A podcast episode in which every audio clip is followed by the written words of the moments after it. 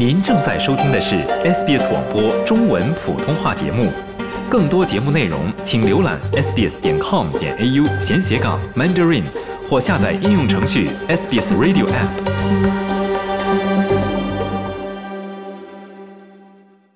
听众朋友们，欢迎您收听本期的闲话澳洲，我是雨夜。那现在澳洲各地的中小学呢，也是开始了新一学期的课程。前段时间呢，有关小朋友要不要打疫苗的话题也是闹得沸沸扬扬，各方呢也是出现了许多不同的观点。那我们今天呢，先是把这一部分的讨论先放到一旁，我们把话题来聚焦到有关于择校的话题上。今天呢，我们也是请到了特约嘉宾 Helen Louis。Helen 您好，雨燕好，听众朋友大家好。嗯，Hello，我知道现在澳洲又是进入了新一年的开学季，每到这个时候呢，可能非常多的家长也是开始了新一轮的焦虑啊，到底是要把孩子送到私校还是公校？到底是对孩子采用哪一种的教育方法比较好？也是困扰了非常多在澳华人的一个长久的问题吧。那就您来看，我知道您的儿子已经是上到大学了，这么多年来对孩子的一个育儿观和他。他有关的择校问题来看，您都是持一个什么样的看法，以及是如何去践行这一系列的事情呢？呃，其实呢，我真的是是一个放养型的妈妈。怎么说呢？我的放养，我可能是我觉得是有两个原因吧。第一，我本来自己就是一个学渣。呃，第二呢，也其实跟第一是有关系的，因为我自己也比较懒。所以呢，我不会就是把很多的精力就放在呃孩子的择校啊，随后就时刻不停的去盯着他那个身上。随后呢，呃来了这边之后呢，尤其是对这边的系统不太熟悉，就是教育的系统，就是一个整个流程不是特别熟悉。慢慢的也是从这边的当地人呢，我就跟当地的朋友交流，看看他们是怎么呃办的。随后呢，就是自己一步一步。过来，但是择校方面呢，其实作为华人，学校是非常重要的。就是华人是的确把学校教育放在一个非常重要的位置，所以呢，择校就是可能是一件很头疼的事嘛。但是对于当地澳洲人呢，我觉得怎么说呢？说他们不择校，呃，也不完全对。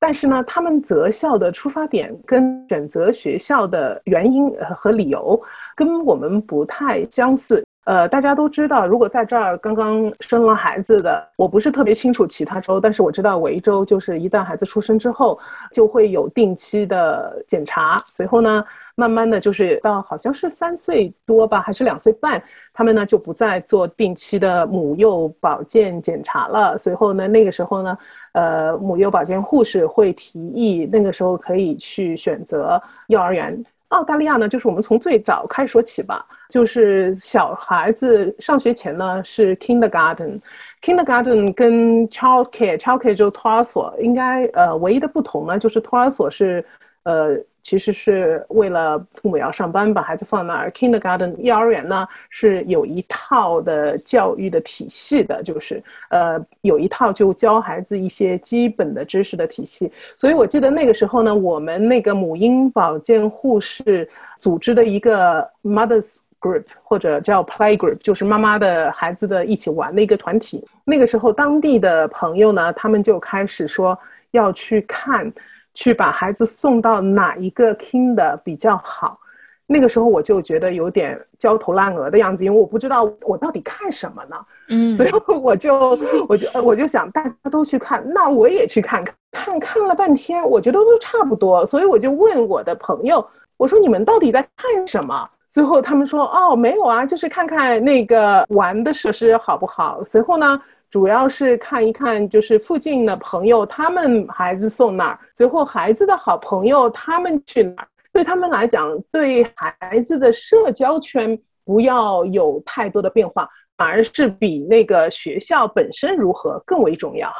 随后呢，我住的这一个区吧，呃，可能华人比较喜欢说富人区、穷人区什么什么的，但是我住的这个区呢，我们绝对不是富人区，不是传统定义上的富人区，但是很多年。呃以来，它一直是排在墨尔本的前列。是哪一个排在墨尔本的前列呢？就是一个指数，就是 the highest disposable income，可自由支配的收入最高的区之一。也就是说，房贷都付完了，呃，家里呢有一些积蓄了，工作呢都不错的，所以就是从经济上来讲，还是大家都是比较舒服的，呃，处于一个比较平稳的状态。但是我那个时候，嗯，怎么说呢？我不知道 我的经验跟现在是不是有一些脱节嘛。但是二十多年那个时候开始择校的时候呢，开始选小学的时候呢。还有跟当地的朋友聊起来呢，我发现并不是说他们就真的是送不起，但是很多根本就不会把私校的小学部放在清单上要去看一看的，因为他们根本就不会考虑那些事，他们一般都觉得就是附近的公立的小学。是还是都不错的，已足够满足孩子的教育需求了。但是他们一般呢，会在五六年级的时候，可能会就看看，慢慢的开始去打探公立的中学跟私立的中学相比较会有什么区别。有的时候呢，可能会在小学的后阶段。就让孩子去私立的中学，有的时候呢，会就是从七年级开始把孩子送到私立的中学去，因为毕竟最终他们对那个中学的教育水平呢还是比较重视的。嗯，那就 Helen 自己的经验来看，您是把孩子送到了私校还是公校呢？如果这个话题是可以分享的话。其实呢，我因为也是受当地的朋友的影响吧，我也觉得，而且我我先说一下我的先生，呃，我先生呢，他并没有读大学，但是呢，嗯，哎，这就是另外一个话题了，在澳大利亚。我觉得，呃，我看多了很多的朋友，就是您不一定一定非要读大学才能成功的。我不能说我其实是一个非常成功的例子，但是他最起码自己，呃，就看遍了世界。他以前的工作让他走遍世界，自己随后开了一家公司，也是做的。还算是不错吧，所以我觉得，呃，当然了，这是另外一个话题。所以，由于他的背景，就是对他来讲，他可以理解中学的话去送私校，呃，小学呢，他就觉得根本就没有这个必要。呃，再加上我们的就是妈妈群的当地朋友的影响吧，我就呃找了一个离我们家比较近的学校，公立的小学，就把他给送过去了。唯一一个点呢，就是，哎，其实我不太，嗯，我不太喜欢拿这个来说事。但是我儿子呢，他小的时候就是在幼儿园的时候，我记得很清楚。其实，在他三岁的时候，他特别喜欢风扇。他对那个风扇呢有一种迷，有一种迷一般的那种。随后呢，他就特别喜欢风扇，就家里有个小的风扇，他就问我那个上面写着呃，就是叫什么呃，写的呃风扇的商标，他就问我这个怎么读，我就告诉他怎么读。从此以后，他就自己慢慢的去，等于是教会了自己阅读。当然了，我是每天晚上跟他读书，呃，读一本绘本，在睡觉之前都要跟他读的。所以呢，等到他那个开始可以上小学的时候呢，他已经就是在阅读方面已经非能力非常强了。而且有一点我。记得很清楚，那个时候我跟他的幼儿园的老师去说，我说他阅读能力是不错，但是呃，我觉得他数学能力不行。当然了，我儿子说实话，现在对数学还是不感兴趣，他就是一个非常的文科的一个孩子。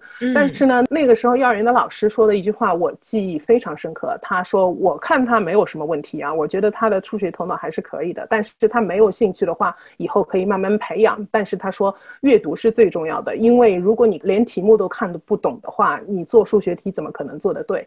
所以他就打消了我的顾虑，那我就把他送到公立的小学去了。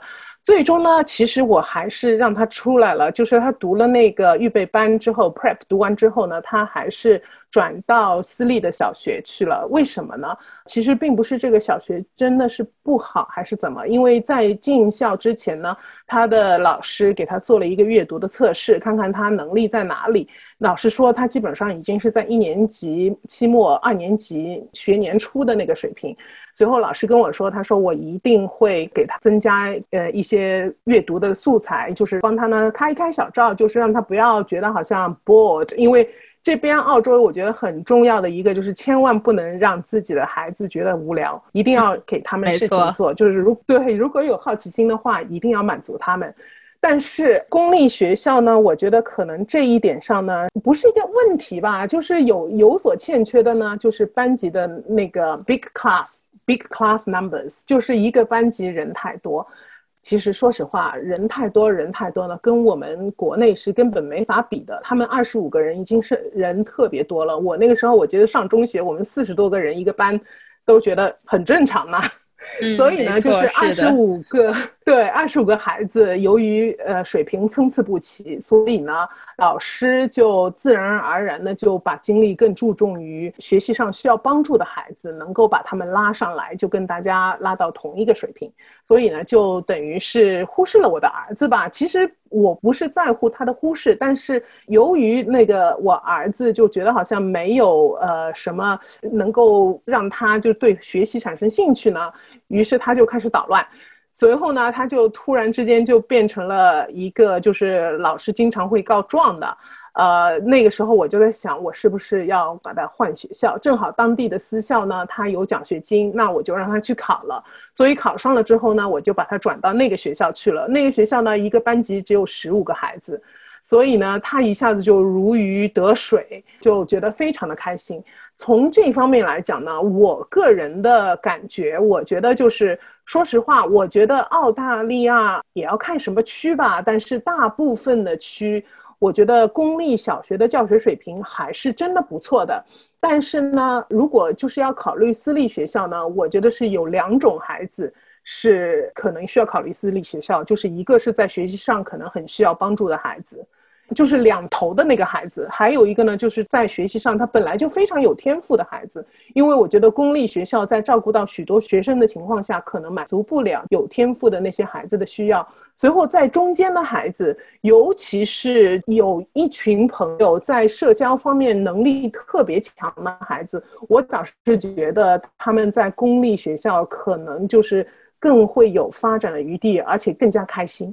嗯，从 Helen 刚才描述的这个情况来看，我感觉公立学校可能更在乎的是所有孩子的一个均衡的发展，然后在私立学校可能可以更加注重于孩子的个人发展，可以让他们把自己的长处和优势来发挥出来。不知道我这个解读是不是一个正确的解读呢？啊。算是正确，但是有些私立学校呢，其实尤其到了高年级，到呃十年级以上呢，有一个问题，就是有一些私立学校为什么他的成绩那么好？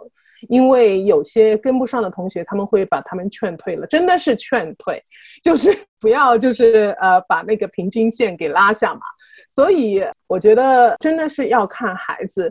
其实澳洲，我觉得转学并不是一件特别难的事儿。澳洲转学家长唯一的一个顾虑就是呃孩子的社交圈。真的，澳洲的家长我觉得对孩子的社交圈呢特别的注重。因为我有就是滑雪俱乐部的朋友嘛，每一年基本上都在不同的学校。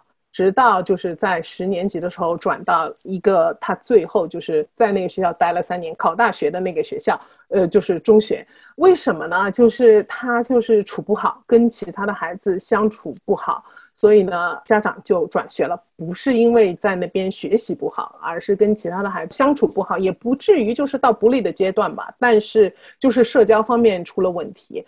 呃，所以呢就转学，所以我觉得私立学校呢也不一定完全能够照顾得到孩子的身心各方面的发展，但公立学校呢有的时候呢是的确会心有余而力不足，就是对一些特别需要帮助的孩子啊，或者对一些就是需要一些加强的一些能力训练的孩子，可能就呃没有办法满足他们的需求。嗯，可能还是要从一个辩证的角度去看吧。可能也是没有一个绝对好的学校，不是说公立学校就是绝对的不好，然后私立学校就是绝对的。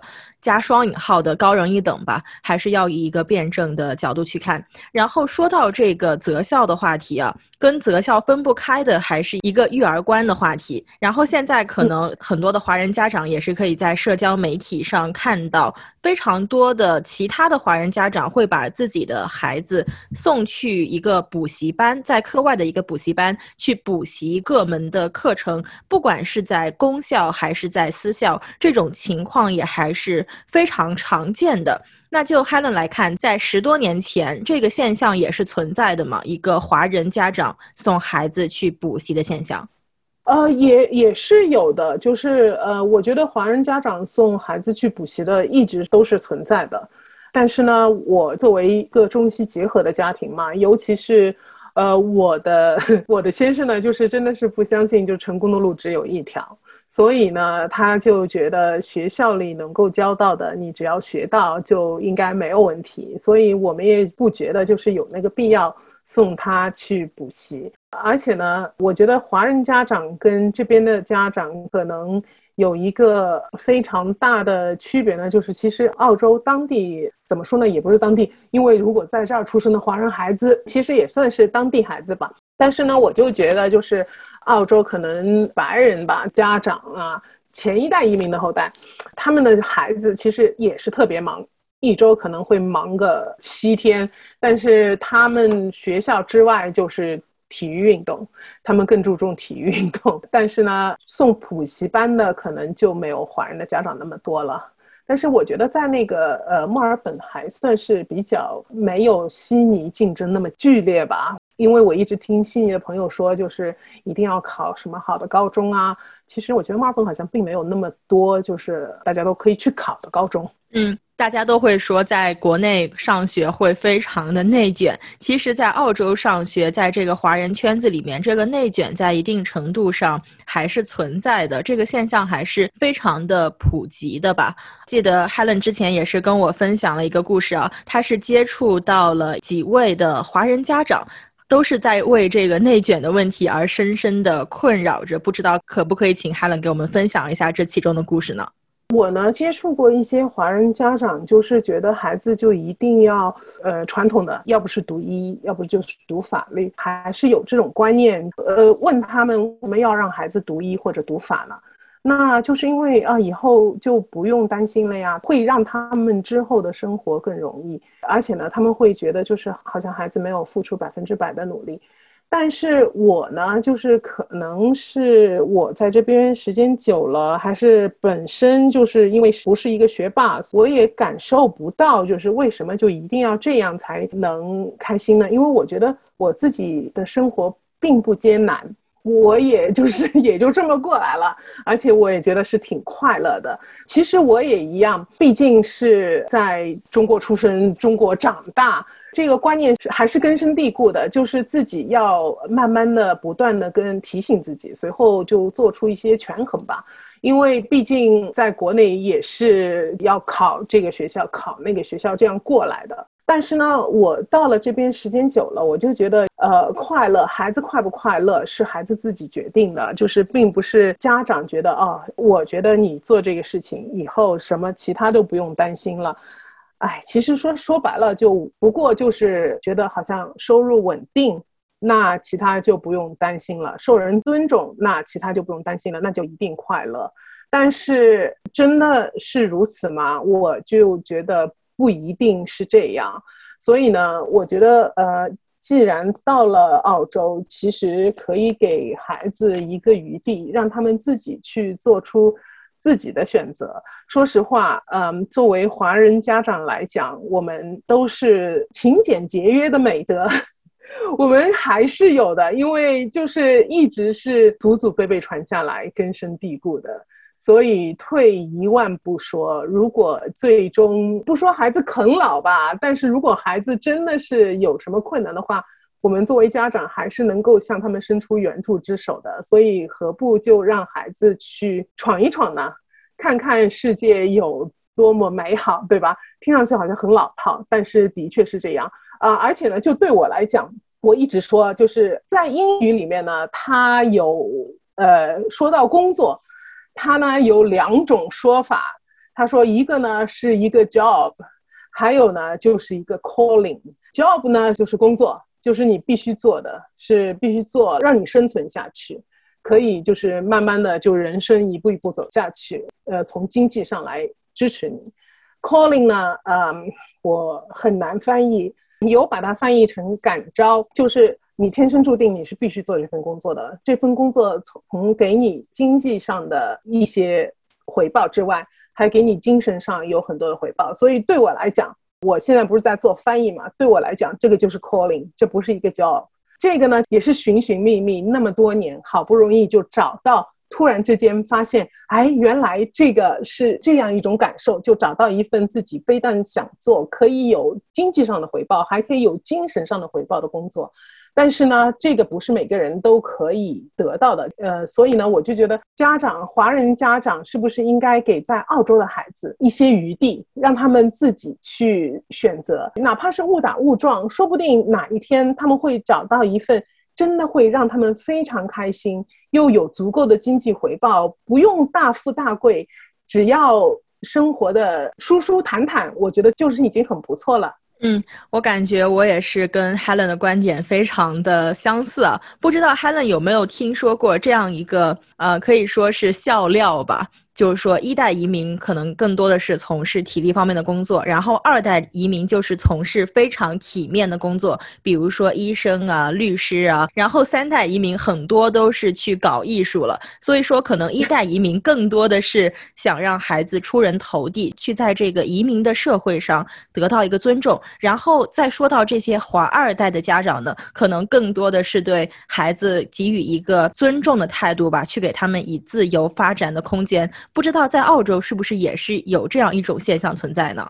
我自己亲身没有经历过吧，但是我觉得很有可能也会有这种现象存在，因为毕竟如果是在澳洲出生、澳洲成长的，耳濡目染，价值观方面呢就会有所改变，所以等到他们自己开始结婚生子、再生儿育女的话呢，就可能就觉得。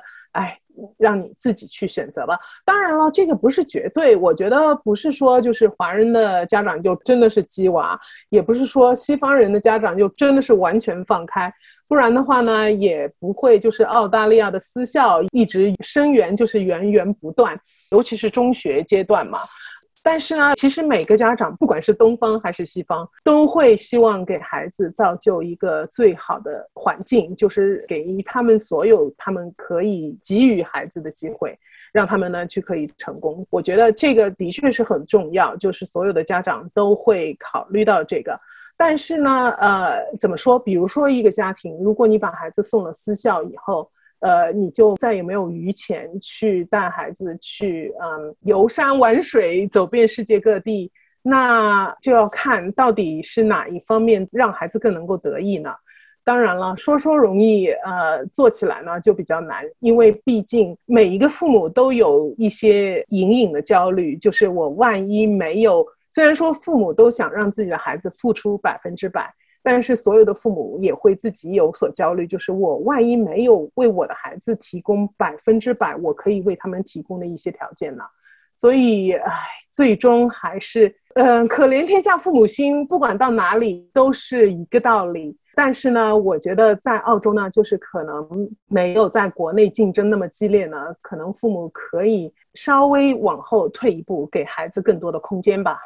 嗯，这个也是值得很多的华人家长去再三思量的一个问题啊，到底是要给孩子一个什么样的教育方式？这个焦虑肯定也是真实存在的，是不是已经给予了孩子百分之百的在自己能力范围之内可以给予孩子的东西啊？但是在这个过程之中，孩子自己的想法可能是要被很多家长给纳入考量范围之中的吧？还是在最后给大家留下一个思考的空间，如何去给？给孩子做好一个择校的选择，不仅是家长自己的决定，可能还是要纳入孩子自己的考量吧。那今天呢，也是非常感谢特约嘉宾 Helen Lewis 来再次做客闲话澳洲。那我们下期再见，谢谢 Helen，谢谢谢谢。想在 SBS 当一回影评人吗？SBS On Demand 正在推送配有中文字幕的热门影视作品。您只需观看一部或以上影视作品，并把影评观后感发给我们，就有机会赢得一份 SBS 精美礼品。